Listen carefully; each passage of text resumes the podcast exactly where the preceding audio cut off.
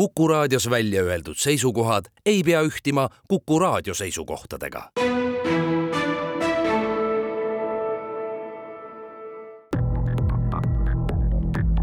krimiraadio, Krimiraadio tere taas, eetris on Krimiraadio. nagu ikka, on stuudios ajakirjanikud Raul Ranne ja Karel Reisenbuk ja muidugi on siin ka endine tipp-politseinik, poliitika kirjamees Andres Anvelt. Aga täna osaleb ta saates tavapärasest pisut erinevas rollis. Nimelt äh, räägime me seekord äh, Eestis tegutsenud ja tegutsevatest äh, luurajatest ja nendega koostööd tegevatest riigireeturitest. ei salga, et tõukeks meie tänasele jutuajamisele sai tõsiasi, et nii Eestis kui Europarlamendis on lahvatanud luureskandaal. Ja ka see, et valmis on saanud suurepärase kodumaise telesarja Reetur järjekordne hooaeg seega on õige aeg rääkida luurajatest ja reeturitest päriselus ja filmides. kuna Andres on muuhulgas sarja Reetur idee autor ja stsenaariumi konsultant, siis on ta täna meie saates külalise rollis, seega Andres, tere tulemast vastaja rollis Krimi raadiosse. tervist, tervist Andres äh,, olgu siin siis kohe ära rõhutatud, et, et sa ise ei ole kunagi töötanud nii-öelda vastuluureasutuses ega ole ka luurajatega nii otseses tööalases suhtes olnud, aga siiski, kui sageli oled sa nüüd kas ministri või politseijuhina töötades äh, tajunud kellegi kõrvalise isiku või ka oma maja inimese liigspetsiifilist huvi ministeeriumi töö või seal liikuva info vastu?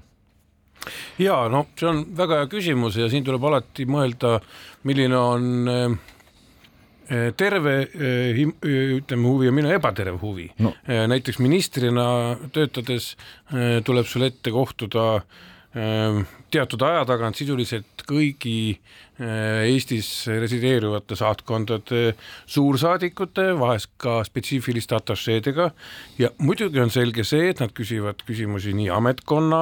äh, valitsuse, äh, riigi üldise mingisuguse seisukoha, tervise kohta, nii et, et seal tuleb päris palju äh,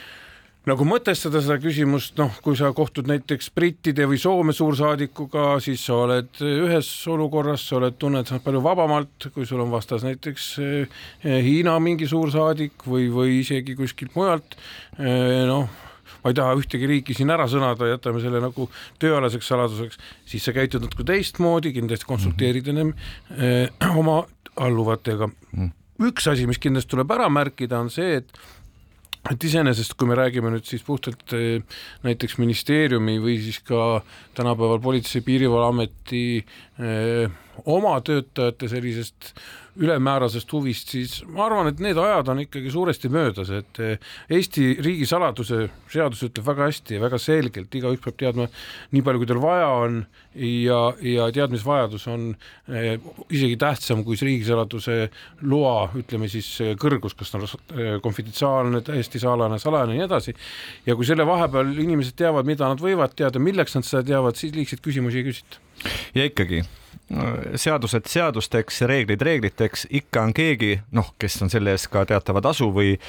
või on teda siis mõjutatud, noh, mingil põhjusel eksib sinu kabinetti ära, mingil põhjusel ikkagi on tal kuidagi asja sinu arvutisse või mingisugustesse andmebaasidesse, noh, mille suhtes on mingid kindlad reeglid ja kõik justkui peaksid teadma ja ometigi ta eksib kuidagi sinna ja kas seda, sedasorti juhtumeid noh, on sinu töös ette tulnud? üheksakümnendatel ja võib-olla kahe tuhande alguses kindlasti juba üksi sellepärast, et siis kogu see andmebaaside ülesehitamine oli veel lapsekingades ja meiegi hakkasime seda nagu väga tõsiselt vaatama sellest hetkest peale, kui me ikkagi üheksakümnendate lõpp, õigemini kaks tuhat algus hakkasime üles ehitama sellist institutsiooni nagu Keskkriminaalpolitseis nagu kriminaalluure, kus kindlasti ka saladuse hoidmise tasemed olid täitsa teistmoodi ja õppisime ka kõike kontrollima, näiteks samu logifaile, et vaadata, kas kellelgi oli teadmisvajadus kontrollida, kas Joosep elab sellel aadressil ja kellega ta läbi käib näiteks nii-öelda siis sellest kuulsast andmebaasist Kairi, eh, mis võis olla ka väga hea allikas kindlasti ka kurjategijatele, et saada teada näiteks mingite inimeste sidemeid, aadresse ja muid eh, tähelepanuväärseid asju, mida nad saavad kasutada täpselt samuti oma nii-öelda kuritegelikus luuramises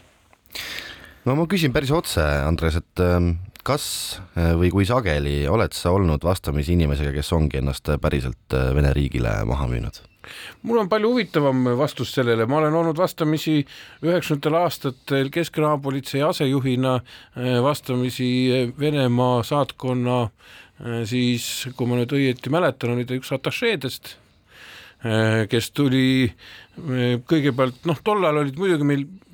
ütleme siis siseministeeriumi politseialased suhted olid palju lihtsamakoelisemad kui tänapäeval, kus neid üldse ei ole, eks ju. ja, ja kes eh, sattus käima siis minu kabinetti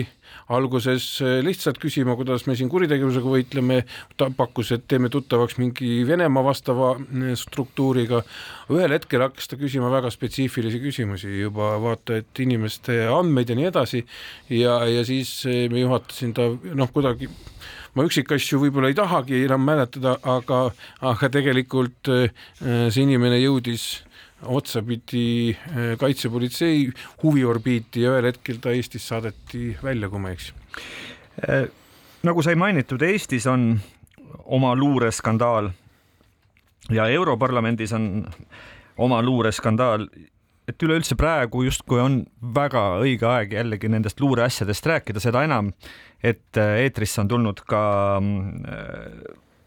siis seriaali Reeturi järjekordne hooaeg. ütle sina kui stsenaar, stsenaristide siis nõu, nõustaja ja konsultant ja üldse no, kogu selle seriaali ja süžee autor, kuivõrd kuivõrd see lugu on ikkagi elutruu, kui palju oled sa sinna ikkagi elust otse maha kirjutanud lugusid ja vahejuhtumeid? ja see on jällegi hea küsimus, mida mult väga tihti küsitakse. vastus on alati selline, et ükskõik, kas see on, ma arvan, krimi või on see luure pool, need lood täpselt niimoodi, nagu nad elus on, on kahjuks dokumentaalsed, nad on kahjuks kuradi igavad. Ja, ja sellepärast tuleb sinna kõvasti juurde pookida äh, nagu õunapuule mingit maitsvat äh, siis teist vart, mis tekitab hea sellise puuvilja, aga tal on algupärasid kindlasti mitmes Eestiga või ka välismaal Eestiga seotud lugudest, mis on ka meediast läbi käinud, need on miksitud omavahel kokku, tehtud huvitavamaks hakkame pihta sellest, et Eud Reeturi seriaali esimene hooaeg oli ikkagi väga tugevasti üles ehitatud eh, Herman Simmi kaasusele eh, ja ütleme niimoodi, ta hakkas eh, arenema sarnast, sarnast siis ideealgete pealt üheks, üheks võib-olla taustaks, mida kuulajad kindlasti võib-olla ei tea, ma olen siin ühes või teises intervjuus ka rääkinud, et mul õnnestus siis ütleme, see kahe tuhandete esimesel dekaadil siis, kui Herman Simm oli kinni peetud, käia ka tema juures vanglas kohtumas mm. kaitsepolitsei juuresolekul küll, aga, aga äh, just loomingulistel eesmärkidel ja, ja mõelda võib-olla ka kaugema tuleviku peale või võiks midagi sellest sündida, aga niisugune vaheetapp oli kindlasti ka Reeturi esimene osa, mis natukene võib-olla minu vaatevinklist erineb sellest ametlikust versioonist tema värbamisest, mida siis ametlikult omal ajal õiguskaitseorganid või Kaipo esitles. reeturi kolmas hooaeg nagu nii palju, kui me ette teame, selle tegevus jõuab otsapidi Brüsseli, Brüsseli, vabandust, võimukoridoridesse. ja, ja see mõjub juba jällegi kui mingisugune reaalelu ettekuulutus, sest nagu me teame, siis Läti eurosaadik Tatjana Ždanokat kahtlustatakse koostöös Vene eriteenistustega. ja mu küsimus nüüd oleks selline, et millal mõni Eesti saadik või kõrge ametnik säärasesse reeturliku koostöö eest vangi saadetakse või vahele võetakse? esiteks Štanoka või Štanoka, kuidas seda õigemini hääldada mm -hmm., ma ei oska isegi öelda, läti keel, eriti kui ta on vene sellist eh, tausta hääled, käänd-, käänetega on ta päris keeruline, aga, aga äh, esiteks tema puhul praegu räägitakse nii-öelda mõjuagendi rollist, eks ju, temaga ainult suheldakse, vesteldakse, noh, saadikuga on see natuke keeruline, keerulisem, kuigi me teame, et viimase poole aasta jooksul või isegi aasta jooksul on tegelikult seal mitme äh, teise saadikuga olnud ka skandaalid, mis puudutavad, eks ju, Lähis-Ida, äh, ka seal veel kord rõhutan, näiteks rahvasaadikute või üldse riigi esindajate puhul väga väike on see õhkõrn piir, et, et kus me räägime mingist korruptsioonist või, või ütleme siis kuritegelikuks mõjutustegevusest, kui me räägime jälle riigi äh, reetmisest, need võivad käsikäes joosta, inimene on kompromiteeritud, siis ta äh, võib töötada mitme eri, erineva huvi otstarbel. ma ei tahaks kunagi sellise vastusele küsimust, küsimusele vastata, et millal Eesti saadik või ametnik säärase reeturi koostööst vangi saadetakse. ma loodan, et ei saadeta, ma loodan seda, et eriteenistuste Eesti eriteenistuste tugevus on selles, et seda ära hoida, mitte tagantjärgi kedagi paljastada. kuigi jah, elu on näidanud, et eh, noh, garanteeritud ei ole millegi eest. Eh, reeturi puhul, sarja reeturi puhul on pigem rohkem tegu eh, NATO saladuste, Europarlament on seal kõrval tegu, tegur, Eesti esindus ja nii edasi ja mm. selline organisatsioon, mida võib-olla Eesti inimene eriti ei tea, aga mis on Euroopa äh, Liidu Julgeolekukomitee, mis on selline kõrgemal seisev organ mingil määral teiste riikide eriteenistuse koostöö jaoks. krimiraadio, Krimiraadio krimiraadio jätkub, stuudios on ajakirjanikud Raul Ranne ja Karel Reisenbuk. tänase saate teemaks on nuhid, luurajad ja riigireeturid ning äh, kuriteod, mis reeturite tegevust äh, aitavad äh, vahel ka varjata. Ja küsimustele on vastamas Andres Anvelt, kes tavaliselt on meil abiks eksperdi ja lähiajaloo tundjana, aga täna on ta siin teleseriaali Reetur konsultandina Andres, eh, nüüd siin enne pausi oli meil jutuks ka selline tegelane nagu Herman Simm, kes oli siis ütleme Reeturi sarja esimese osa justkui selle sündmuste prototüüp tegijaks, aga ma pean tunnistama, et eh, kui ma mõni aeg tagasi vanglast pääsenud riigireetur Herman Simmi kaasusega, kaasusele mõtlen ja samal ajal ka sinu sellele, sinu konsulteeritud seriaalile mõtlen, siis selles kombinatsioonis on mul igasugused ähm, illusioonid kadunud, et siin Eestis keegi on nii raudkindel, et ei reeda. mulle tundub, et kõik on võimelised reetma, küsimus on ainult rahas. kas ma olen liiga paranoiline? Ei, sa ei ole paranoiline, ma esiteks sind kui ajakirjanikku kiidan, et ajakirjanik peabki nägema natukene mustemates toonides maailma, muidu ta kirjutab kõike väga roosana. ei, no ma pigem valmistan ennast ette, et mitte liialt pettuda hiljem. ja aga, aga reeturi puhul, kui ma selle ülesande sain, et, et pane nüüd kokku mingi süžee, hakkame filmima, siis noh, selge on see, et, et lähiajaloost oli teda kõige parem võtta, sest tema puhul minu arvates kindlasti mängivad tegurid mitte ainult see, et mis sa ütlesid, et eh, raha eest on võimalik eh, kõike ära osta, päris niimoodi ei ole. Tegelikult värbamise puhul ja inimese kaasamisel ükskõik tegelikult, kas on kriminaalmaailmas või see on siis nagu öeldakse, eh, muu luuremaailmas peab olema ikkagi kolmest komponendist vähemalt kaks, üks on kindlasti see asi, et peab olema teda võimalik millegiga siis kompromiteerida, teine asi on rahaline kompensatsioon ja kolmas on kindlasti ideoloogia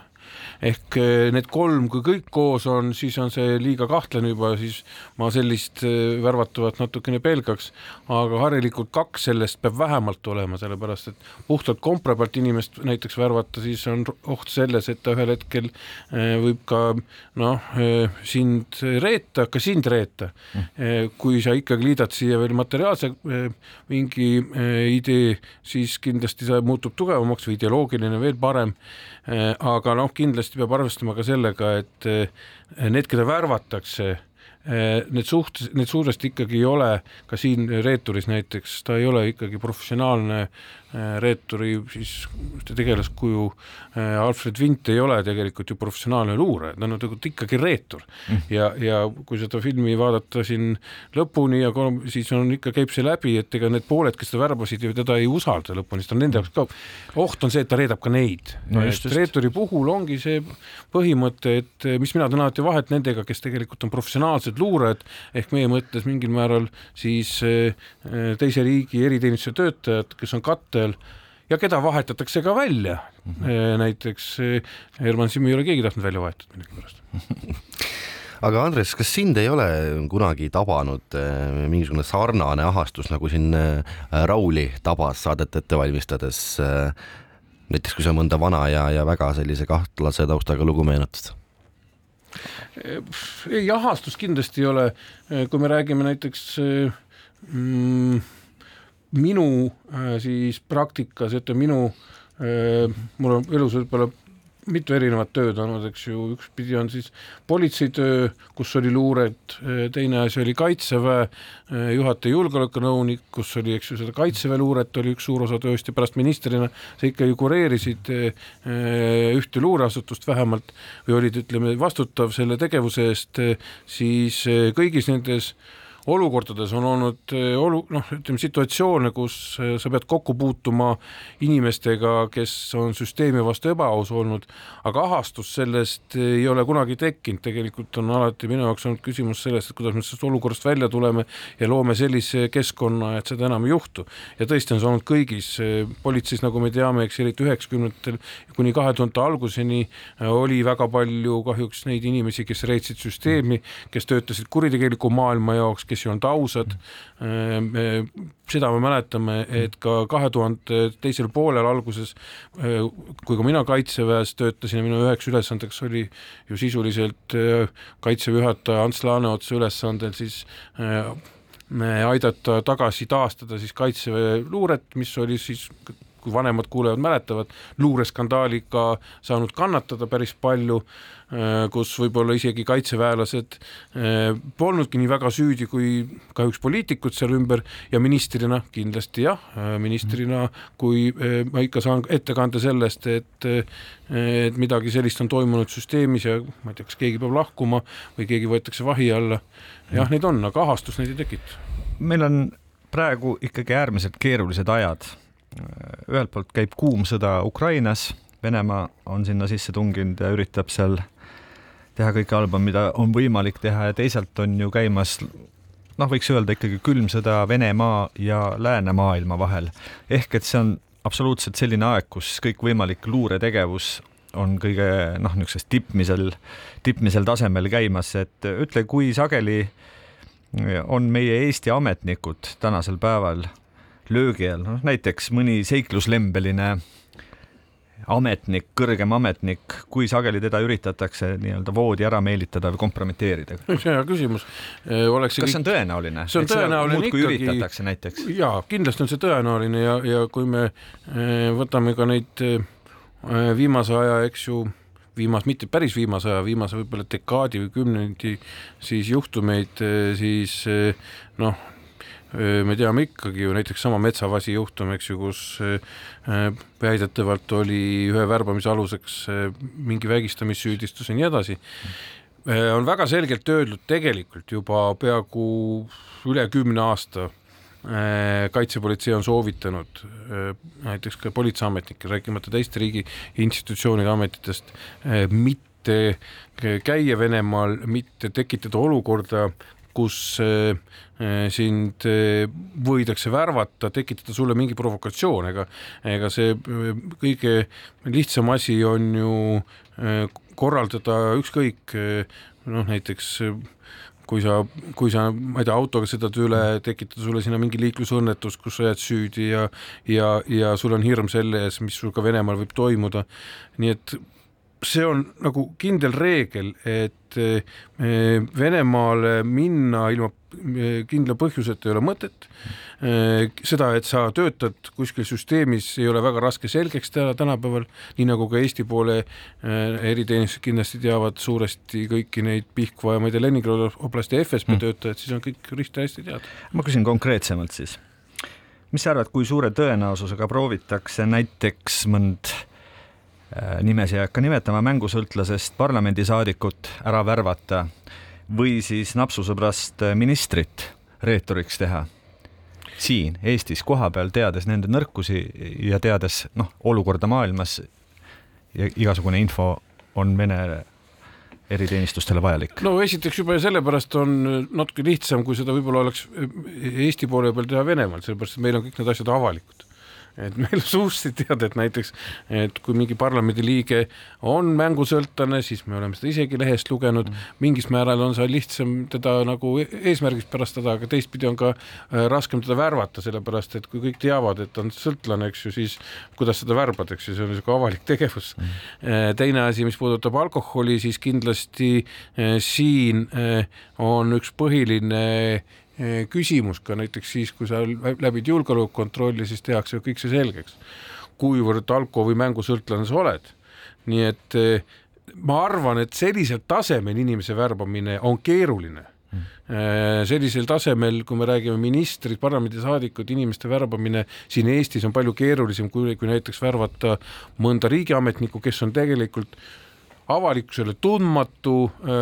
võib-olla kasiinosõltlane, isegi narkosõltlane, alkoholisõltlane, aga teatud ringkond teab seda, sellest jõuab informatsioon näiteks Venemaa eriteenistusteni ja neid värvata on palju lihtsam. kusjuures tihtipeale võib olla see, et sellise väiksema ametniku kasutegur sellele välismaa eriteenistusele on suurem kui ministri või, või parlamendisaadiku. niisiis äh Andres mm,, aitame enne, kui me pausile läheme, natuke inimeste peades mingisuguse korra tekitada ja räägime üle, et millised luure- ja vastuluureasutused ikkagi Eestis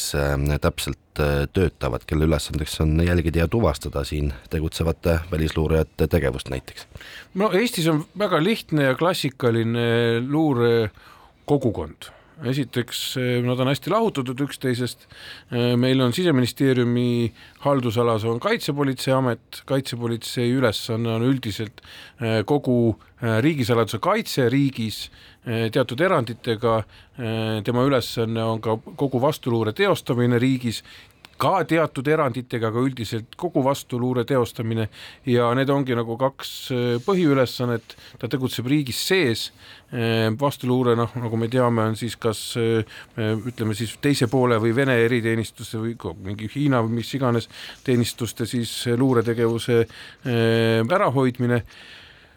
kaitseministeeriumi all on meil Välisluureamet, vanasti oli ta Teabeamet, kunagi ta oli ka välis, äh, välisministeeriumi osa. Äh, tänapäeval on ta väga selgelt ikkagi just tege-, mingil määral see muutus toimus ka minu arvates Ukraina ja Venemaa sellise sõja juba puhkemisega, me ei räägi kaks tuhat kakskümmend kaks ja palju varem, kui me neid ohtusid nägime ja, ja tema ülesanne on ikkagi puhtalt siis välismaal teostada või välismaalt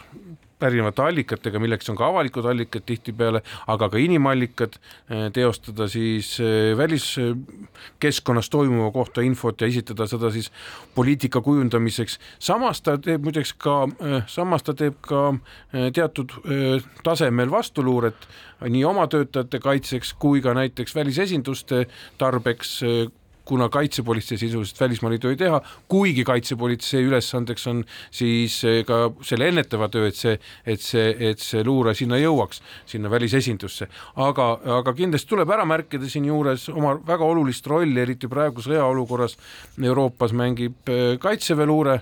kes on kaitseväe osa ja kes töötab koos siis Kaitsepolitsei ja Välisluureametiga, aga tema ülesanne on ikka puhtalt sõjaväelise luure info kogumine, selleks on väga palju tehnilisi vahendeid nii meil kui meie partneritel ja sellest kõigest luuakse pilt mm. ja me jõuame ühe asjani veel, kus see pilt nagu mingil määral kokku läheb ja, ja kus ta tekib, siis temast tekib selline äh, ühtne sümbioos, äh, mida esitatakse valitsusliikmetele, äh, on selline asi nagu Vabariigi, Vabariigi Valitsuse koordinatsiooni direktor, kes siis vastutab selle siis nagu kunagi nimetati teda pealuureks, no päris ta niimoodi ei ole, ta on võib-olla pealuurebürokraat mm, -hmm. aga tema juures läks kokku, nii et ja ja, ja nii ta on. krimiraadio, Krimiraadio krimiraadio jätkub, stuudios on endiselt ajakirjanikud Raul Ranne ja Karel Reisenbuk ning tänase saate teemaks on luurajad, reeturid ning nendega seotud kuriteod. Ja meie küsimustele vastab endine tippvõmm Andres Anvelt, kes on teatavasti ka tubli kirjamees ja hiljuti kolmanda hooajaga eetrisse jõudnud teleseriaali Reetur autor. Andres, nagu seriaalis Reetur ja paljudes teisteski luureseriaalides on saanud näha, riigireeturid võivad oma jälgede ja tegevuse varjamiseks sooritada banaalseid kuritegusid, võivad tappa neile peale sattunud suvalisi inimesi, võivad kõrvaldada liiga lähedase kolleegi, kui see hakkab midagi haistma, võivad süüdata arhiivi, kust on juba enne noh, varastatud mingisugused saladokumendid ja nii edasi. kui palju sa oma töös, oma politseitöös oled kokku puutunud kuritegudega, kus näib, et otsad viivad just kuhugi sinna luure ja reetmise maile, et kus kõik need nii-öelda motiivid ja põhjused näivad olevat seal kuskil? No ja no luuremaailmast on mul raske öelda, aga kindlasti näiteks, kindlasti näiteks ka seriaalis Reetur ütleme inspiratsiooni äh, sain ka äh, mõnedest sellistest oma praktikas olnud tegudest, mis ei ole otseselt seotud siis selle tavapärase luuremaailmaga, aga võib-olla siis nimetame teistmoodi kriminaalluuremaailmaga ehk see, mida kriminaalpolitsei teeb äh, siis tipptasemel, kus siis äh, noh, näiteks seesama reetur, kes noh, kriminaalpolitsei mõistes siis tegelikult reedab süsteemi noh, kuritegeliku maailma tarbeks eh, on eh, läinud ka sellisele teele, jällegi ma ei taha võib-olla nimesid nimetada, kuigi aastaid on möödas, kus tegelikult eh, jälgede segamiseks kõrvaldatakse ära oma informaator, kes oli samal ajal ka palgamõrvar mm. -hmm. ehk see inimene on siiamaani kadunud ja, ja äh, siis nüüd ütleme, see politseiametnik, kes, kes äh, oli tema siis nagu öeldakse, noh, nimetame agendi juht, aga tegelikult no tema siis informaatoril on alati, nagu me omal nimetasime, siis oma kontaktisik või, või peremees või mis iganes. ja, ja kui oli oht selles, et ta võib hakata näiteks äh, teistele politseinikele infot andma, siis ühel hetkel ta jäi kaduma mm.. küsimus on selles, kui palju seda sai tõestada, aga, aga tookord vähemalt see inimene pidi süsteemist lahkuma. me räägime üheksakümnendatest. mul meenub üks juhu, ju, juhtum äh, pisut hilisemast ajast, see on siis kahe tuhandete algus ehk täpsemalt kaks tuhat neli aasta, kui õieti mäletan. kui toonase kaitseministri kodust varastati portfell väga salajase infoga. see paistis esialgu, et noh, kui ma nüüd jällegi õieti mäletan, siis olid äh, Lätist tulnud gastrolöörid, kes noh, murdsid sisse juhuslikku korterisse, varastasid seal asju, muuhulgas ka portfelli, kus juhuslikult oli salajased dokumendid sees. hiljem mida aeg edasi, seda rohkem tundus, et see oli väga spetsiifiliselt ja spetsiaalselt eh, noh, nii-öelda suunatud eh, murdvargus, et see just nimelt nende dokumentide pärast varastati, kõik see ülejäänud oli nagu väike kate sellele kõigele. kuidas sulle tundub? ja no tund-, tundud on, tunded on nagu öeldakse mehe-naise suhetes, eks ju, antud juhul on rohkem, rohkem tegu eh, faktidega. ma arvan seda, et, et igal juhul seesama äh, konkreetne juhus äh, viis selleni, et äh, need nõuded riigisaladuste hoidmiseks kasvasid mm, täitsa teise dimensiooni kas nüüd minister andis tookord selle võimaluse, et neid dokumente varastataks või, või varastati nad tõesti juhuslikult, eh, kokkusattumusi muidugi vähe usume harilikult, aga vähemalt selle tulemus oli see, et eh, tänapäeval eh, selleks, et riigisaladuslik dokument kuskilt riigisaladuse alalt välja viia, siis see on ikka terve rida selliseid menet-, toimingud tuleb ära teha,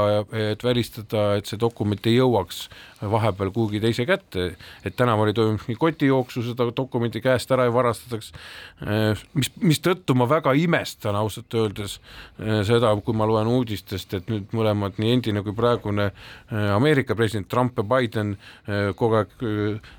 on selle süüdistuse ääre peal, kas nad tassisid oma riigisaladusi koju või mitte, mis tekitab minus väga huvitavat sellist õlgade kehitust, et mis neil seal toimub teisel pool lompi no luurajatest ja mm, kuritegevusest äh, rääkides, siis no näiteks äh, paljud Eestis tabatud äh, Venemaa erinevate luureasutuste kaastöölised on ikkagi esmalt kuidagi tähelepanu nagu pälvinud kui pealtnäha tavalised kurjategijad. siin mõned näited lihtsalt näitlikumast näitlikustamaks tuues siis näiteks kahe tuhande kaheksateistkümnendal aastal FSB kasuks töötamise eest neljaks aastaks vangi mõistetud Aleksei Vassiljev oli tegelikult sisuliselt küberpätt, kes siis proovis meie riigiasutustesse sisse häkkida. Ja aastal kaks tuhat kuusteist Eesti Vabariigi vastases vandenõus süüdi mõistetud Artjom Malõšev ja Alik Hutšparov siis tegelikult tegutsesid salakaubavedajatena kui sage või kui levinud ähm, on see, et pealtnäha võib-olla üht tavalist sellist kuritegu uurima hakates selgub, et tegelikult on pihus hoopis üks äh, välisriigi luuraja või spioon? ma pigem alustaks teiselt poolt äh, pigem alustaks sellest, et äh, neid samu kaasuseid, mida sa just praegu välja tõid, ma noh, ütleme niimoodi mäletan, kuna need on täpselt need aastad, kui ma ministeeriumit juhtisin ja mm, minemata üksikasjadesse, mida ma ei saagi, aga lihtsalt äh, vaadates nende asja iseloomustuse üldiselt, siis äh, nende samade kaasuste puhul äh, saab rääkida sellest, et ütleme, selline alg teadmine, et üks või teine isik on näiteks salakaubaveduaja äh,, tuleneb rohkem pigem näiteks kriminaalluuretööst, on hea näide sellest, kuidas kriminaalluuretöö võib kaasa aidata siis äh, riigi eriteenistuse tööle, siis riigi äh, julgeoleku kaitsel, nii et, et need on omavahel seotud, miks, sest need on ju ütleme siis esiteks need inimesed on kurjategijad nendel on lihtne reeta ka riiki, võid töötada ka teise riigi jaoks, sest nad saavad ka sealt kasumit, võib-olla pigistatakse silm kinni selle pinnalt ja lastakse nende salakaubavedajatena tegutseda, sest ärme unusta seda, et Venemaa Föderatsioonis on piirivalve osa FSB-st ja kui piirivalve näiteks Pihkva oblasti juht ütleb, et näiteks seesama Alik ja Artjom võivad rahulikult siit edasi-tagasi sõita oma fuuraga, eks ju, mis on kaupa täis salasuitse viina, siis nad sõidavad, aga nad on selle eest tänu võlgu sellele samale äh, Pihkva ülemale või tema siis ütleme operatiivtöötajale, kes siis aeg-ajalt annab neile ülesandeid ja ütleb näiteks, ma ei tea, pildistage midagi või tehke midagi või värvake isegi edasi tegelikult, värvake Eesti poole pealt inimesi juurde juurde, kes tahaksid rahulikult tegutseda salakaubaga. just, just kujutan ette, et kuskil seal Kagu-Eestis üsna nii noh, tuttav skeem, kui meenutada nüüd äh, aegu tagasi. ja ma arvan, et see on äh, ütleme niimoodi, see on hea taimelava selleks, et äh, luua endale võrgustikku, sest noh, midagi ei ole teha noh, teatud Eesti piirkondades on salakaup olnud osa, aina vähem muidugi, tänapäeval on see viidud miinimumini just sellele, et meil tegelikult piir on kinni, kuigi ikka salakaup liigub, ega siis salakauba jaoks see piir lõplikult kinni ei ole kunagi, aga see annab hea võimaluse kasutada ära neid inimesi, kes siis eh, juba iseloomult on valmis eh, ükskõik mida tegema, noh, ja me näeme, et piiri juures on neid kaasuid olnud. Eh, piiri juures oli üks kaasus näiteks relvaärikatest, eks ju, kus kaitsepolitseinik hukkus, mis oli sealsamas piiri kõrval ja ka nüüd sellesama seal kõrval oleva piirivalve kordoni juures äh, oli terve salakaubavedajate pesa, kes siis seal piilusid, äh, kuidas piirivalved sisse-välja liiguvad, kuni nad lõpuks õnneks välja kupatati. veel üks filmilik situatsioon, mida ma siin proovin ette kujutada ja proovin siis ka ühtlasi pärisellu kuvada, et näiteks äh, mõne suurema või kõrgema maja ees on noh, laip, kes tõenäoliselt kõik märgid näitavad, et see on kuskilt rõdult, kõrgema korruse rõdult alla kukkunud inimene ja võib-olla, et seal on ka alkoholijoobe tunnused. aga asja lähemalt uurides selgub, et noh, ei ole see selline maja, kus ta üldse peaks elama ja olema ja ja ka ütleme, see piirkond ei ole üldse see, kus ta tavaliselt liigub. ehk et väikest viisi, nagu näiteks vist ka filmis O2 oli selline episood, et selgub, et kõik märgid näitavad, et jällegi see kõik on lavastatud olukord ja tegelikult on toimunud midagi muud. kas sedasorti situatsioonid on sulle tuttavad? Ütleme niimoodi, et see, et kurjategijad on lavastanud sündmuskoha neile kasulikul määral ja proovinud siis näidata, et olukorda kas enesetapuna või mingi muu üledoosina, seda on ikka ette tulnud. Eesti oludes ma ei, ei saa kätt südamele panna, et seda ei oleks tulnud, toimunud ka näiteks luure või vastuluure maailmas, eh, sest see on harilik kurjategijate käekiri, nagu me näeme, seda kasutavad kindlasti ka mujal maailmas eh, eriteenistused, noh, meil kõrval Venemaalgi ju vahepeal ju sajab aknast inimesi nagu sügisel lehti puhul. no neid oligarhe, kes mingil põhjusel ei olnud päris rahul Putini sõjategevusega Ukrainas ja seda kuidagi valjemalt välja ütlesid, neid kukkus hiljem aknast välja ikka järjest ja järjest. no mitte ainult need, olid ka kindlasti need, kellelt küsiti mingil määral seda raha tagasi, mis nende kätte oli usaldatud mm. -hmm. oligarh ei ole keegi midagi muud kui inimene, kes hoiab lihtsalt Putini rahakotti mingist otsast kinni. ja, ja just. Krimiraadio, Krimiraadio jah, Krimiraadio jätkub, stuudios on ajakirjanikud Raul Ranne ja Karel Reisenbuk. tänase saate teemaks on luurajad, reeturid ja nendega seotud kuriteod. meie küsimustele vastab endine tipp-politseinik Andres Anvelt, kes teatavasti on ka tubli kirjamees. Muide hiljuti kolmanda hooajaga eetrisse jõudnud teleseriaali Reeter, Reetur autor siin proovides äh, nii filmitsenaariumeid ja, ja ka välismaal toimunut kuidagi Eesti konteksti asetada, siis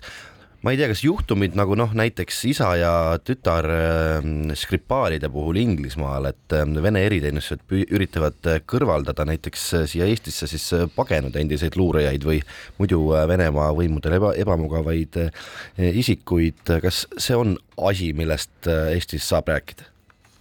Ma arvan pigem ei, kui me räägime näiteks äh, luurajatest, sellised, kes on tõesti mõjuvõimsad äh, eriteenistuse töötajad olnud Venemaal, kes on üle hüpanud spioonid, siis pigem nad ikkagi hüppavad äh, üle nende riikide eriteenistustele, esiteks, kellel on pakkuda nendele suuremad garantiid või kui isegi teoreetiliselt see võiks juhtuda läbi Eesti eriteenistuse, siis ikkagi nad liiguvad kuhugi kaugemale siit edasi mm.. sellepärast, et no Eesti riik on väikene ja, ja meil ei ole ka selliseid võimekusi, et neid inimesi siin ja vajadust võib-olla ju peita, sellepärast et sellel tasemel inimene tegelikult toidab oma informatsiooniga ju mitte ainult Eestit, aga suuremat luurekogukonda. nii et ma arvan, et äh, see võim-, see võimalus on suhteliselt tagasihoidlik, aga teine asi, kui me räägime lihtsalt aktiivsetest äh, Vene opositsioonidest, opositsionääridest, eh, siis eh, noh, siin piirkonnas eh, esiteks on nende pigem suuremaks paik-, ütleme niimoodi, paiklemise kohaks Leedu ja ka sealt pole olnud kuulda selliseid mm. teemasid ja nagu me teame tänagi oli kuskil uudised, et nad on suuresti Venemaa eriteenistuse poolt kuulutatud kõik rahvusvaheliselt tagaotsitavaks oma arust ja esitatud kriminaalsüüdistused ekstremismis. no muidugi Vene eriteenistusena valmis mängida, mängima muidugi jumal teab mitmekorruselisi luuremänge ja vaata, hiljuti ju kaitsepolitsei pidas kinni Tartu Ülikoolis töötava teadlase Vjatšeslav Morozovi. E, teda kahtlustataksegi Vene eriteenistusega koostöö tegemiseks. et me peame rääkima ka nendest nii-öelda headest venelastest, kes justkui nii-öelda jutu järgi või tausta järgi on e-, Venemaalt põgenenud, nad on äh, väljendanud rahulolematust Putini režiimi suhtes ja neil justkui ei ole enam võimalik Venemaal elada, töötada ja tegutseda üleüldse. ja siis selgub, et see kõik on justkui mingisugune legend ja tegelikult selle taustal käib ikkagi tubli luuretöö. mis sellest arvate, kui tähelepanelikult me peaksime neid nii-öelda häid venelasi jälgima ja nende tausta uurima? ma arvan, et meie ei pea, selleks on äh, pigem kaitsepolitsei, kes no peab. meie siin jah ja, mitte, aga üldiselt aga Eesti üldiselt, riik. Eesti riik kindlasti peab, kindlasti peab, siin ei ole üldse mingit küsimustki selles mõttes, et äh, ma ei taha olla mingi paranoiade sünnitaja, aga iseenesest äh, nendel inimestel on olemas riskialged aga see ei tähenda seda, et peavad olema kindlasti need riskikandjad ja, ja seda oskab hinnata juba kaitsepolitsei aga kui me räägime näiteks nendest akadeemilistest eh, piirkondadest nagu antud juhul, siis see Morozovi juhtum, ega see ei tähenda ka seda, et akadeemilised ringkonnad peaksid hakkama nüüd kõiki oma siis näiteks ma ei tea, Venemaalt või, või ma ei oska öelda, kas sealt Hiinast on eh, mingisuguseid, vist ei ole minu meelest tänasel hetkel eh, siis akadeemilist kaadrit selle pilguga uurima, sest noh, ega sealt ei tule ka midagi sellest välja sellepärast ega ta ju ei lähe kuhugi oma äh, loengut pidama ja rääkima mingil hetkel teist juttu. Äh, nende inimeste eripära äh, mis Morozovi juhtumi puhul mind väga ka huvitama hakkas, noh, ütleme niimoodi meediatarbijana on see, et lugedes erinevaid intervjuusid, ka Tartu Ülikooli rektori intervjuud ja kõike muud, mis tema ümber võis toimuda, siis on näha sealt seda, et, et selliste inimeste ütleme niimoodi, sellist inimeste kasutegur ei ole mitte niivõrd see, et ta kuskil jutlustab mingit riigivastast tegevust, aga kuna ta on akadeemiline äh, autoriteet, siis tema ümber tekib ringkond, kelle hulgast võivad tekkida ka inimesed, välja kasvada inimesed, kes saavad mingit infot talle ka heatahtlikult edastada, mida tema saab peale toita oma peremeest näiteks. täpselt nii, teine veidikene seonduv äh, seltskond on nii-öelda Ukraina sõjapõgenikud nende hulgas on ka väga palju intellektuaale, inimesi, kes justkui on noh, mingisuguse, mingisugusel erilisel põhjusel siia Eestisse maandunud ja, ja me oleme neid ka väga niisuguse suure südamega vastu võtnud, kuivõrd tegelikult me peaks noh, niisuguse luure, luuraja kriitilise pilguga need read üle vaatama. Ukrainast on muidugi väga palju sõjapõgenikke saabunud, aga nende hulgast kas võib olla ka inimesi, kes tegelikult noh, saavutades siin mingisuguse sellise hubase ja koduse positsiooni, hakkavad tegelikult vastu töötama on juba Venemaa poolt ära värvatud ja ütleme, see põgeniku staatus annab neile väikese sellise võimaluse siin vabamalt tegutseda. no mis tähendab vabamalt tegutseda, tuleb ka aru saada sellest, mis on tema äh, potentsiaalne siis äh, luureline väärtus, ütleme siis teise riigi eriteenistusele, Venemaa eriteenistusele. no äh, suuresti ma arvan, see, ma usun, et nende inimeste vähemalt tänasel päeval ja niipea see info hulk, mida nad suudavad siit, nagu öeldakse, kätte saada, ei ole niivõrd määrav Äh, jah, alati võib ju äh, kuskil saada ülesande ja näiteks Tapa sõjaväelinnakut seal pildistada või mingit rutiini kirja panna, kuidas seal, mida on ka teinud siin nendel eelmisel kümnendil, eks ju, kinni võetud inimesed või siis proovida häkkida kuhugi riigiasutustesse sisse. Need kindlasti on sellised riskid, mida tuleb silmas pidada, kindlasti ka eriti nende inimeste hulgas ju, nagu me teame Venemaalt, ütleme Ukrainast oli suur osa põgenikke üle Venemaa, eks ju. ma tean, et politseil ja kaitsepolitseil, eriti politsei, kes tegeleb iga päev nende vastuvõtmisega, eh, on oma profileerimisvõimalused olemas, kuidas siis nagu eristada terad sõkaldest. Eh, ma pigem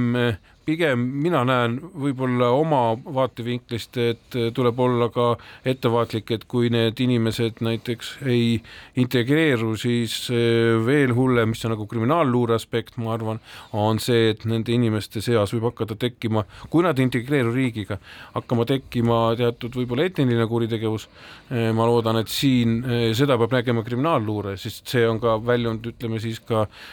mingisugusele teisele tegevusele. ma praegu neid riske riske ei näe, aga neid tuleb lihtsalt endale teadvustada, sellepärast et et kui keegi näiteks, kui me võtame äh, siinsamas meie Põhjamaa riigid kõrval, Rootsi, eks ju, teatud rahvusgrupid ei integreeru ja loovad kokkuvõttes oma mingeid linnaasusid, kuigi ma veel kord rõhutan, see ei ole üldse äh, no ütleme äh,, samasugune äh, variant Ukraina puhul. Harikult need esindavad selliseid äh, rahvusgrupid, kes oma kodumaal oma riiki ei usalda noh, ma loodan, et Ukrainas ikkagi eh, see olukord on natuke teine kui kuskil Somaalias no me saame aru, see vool on ikkagi ju üsna nagu suur ja selge on see, see ei ole mingi saladus, et Eesti-vastane luuretegevus äh, Venemaal käib, sadu inimesi sellega tegeleb, on meie vastujõud piisavad, kuidas tundub? no see on hea küsimus, et ma arvan niimoodi, et seda hinnata Äh, saavad äh, väga reaalselt, eks ju, kaitsepolitseinikud, välisluureametnikud oma ettekannetes, mis tehakse äh, valitsusele, me saame siin natuke spekuleerida, me saame öelda seda, et Eesti nagu me näeme viimaste aastate statistika poolest, on suutnud välja, ütleme, kindlaks teha, tuvastada, ütleme, paljude meie naabritega võrreldamatult suurema arvu erinevaid siis kas äh, salakuulajaid äh, või siis ka näiteks riigi vastu tegutsejaid, noh, sõltub sellest, kas tegemist on siis Eesti kodanikuga või mitte, ja see number on äh, aukatust arvutavalt suur ja ma alati rõhutan, et see number ei tähenda seda, et meil on lihtsalt neid pahalasi rohkem, aga lihtsalt meie eriteenistused töötavad ehk paremini ja muidugi veel kord ütlen seda, et äh, siin väga palju sõltub ka sellest, kuidas meie, ütleme, partnerteenistused teistes riikides usaldavad Eestit miks, sellepärast et eh, läbi sellise eh, koostöö on võimalik eh, siis neid võrgustikke palju paremini tabada, sest tihtipeale on see võrgustik, Eesti on näiteks ainult transiitmaaks mm., nii nagu kunagi ennem Nõukogude Liidu lagunemist oli näiteks Soome, kus siis nagu öeldakse, kohvikutes kohtusid erinevate riikide spioonid. aga selle teadmisega peame täna ka lõpetama, täname kuulajaid ja täname endist tipp-politseinikku, ministrit ja kirjameest Andres Anveltit, kes tavapäraselt aitab meid eksperdina aga täna oli ise vastaja rollis. Saadet juhtisid nagu ikka ajakirjanikud Raul Ranne ja Karel Reisenbuk. järgmine Krimiraadio on eetris järgmisel nädalal. krimiraadio, Krimiraadio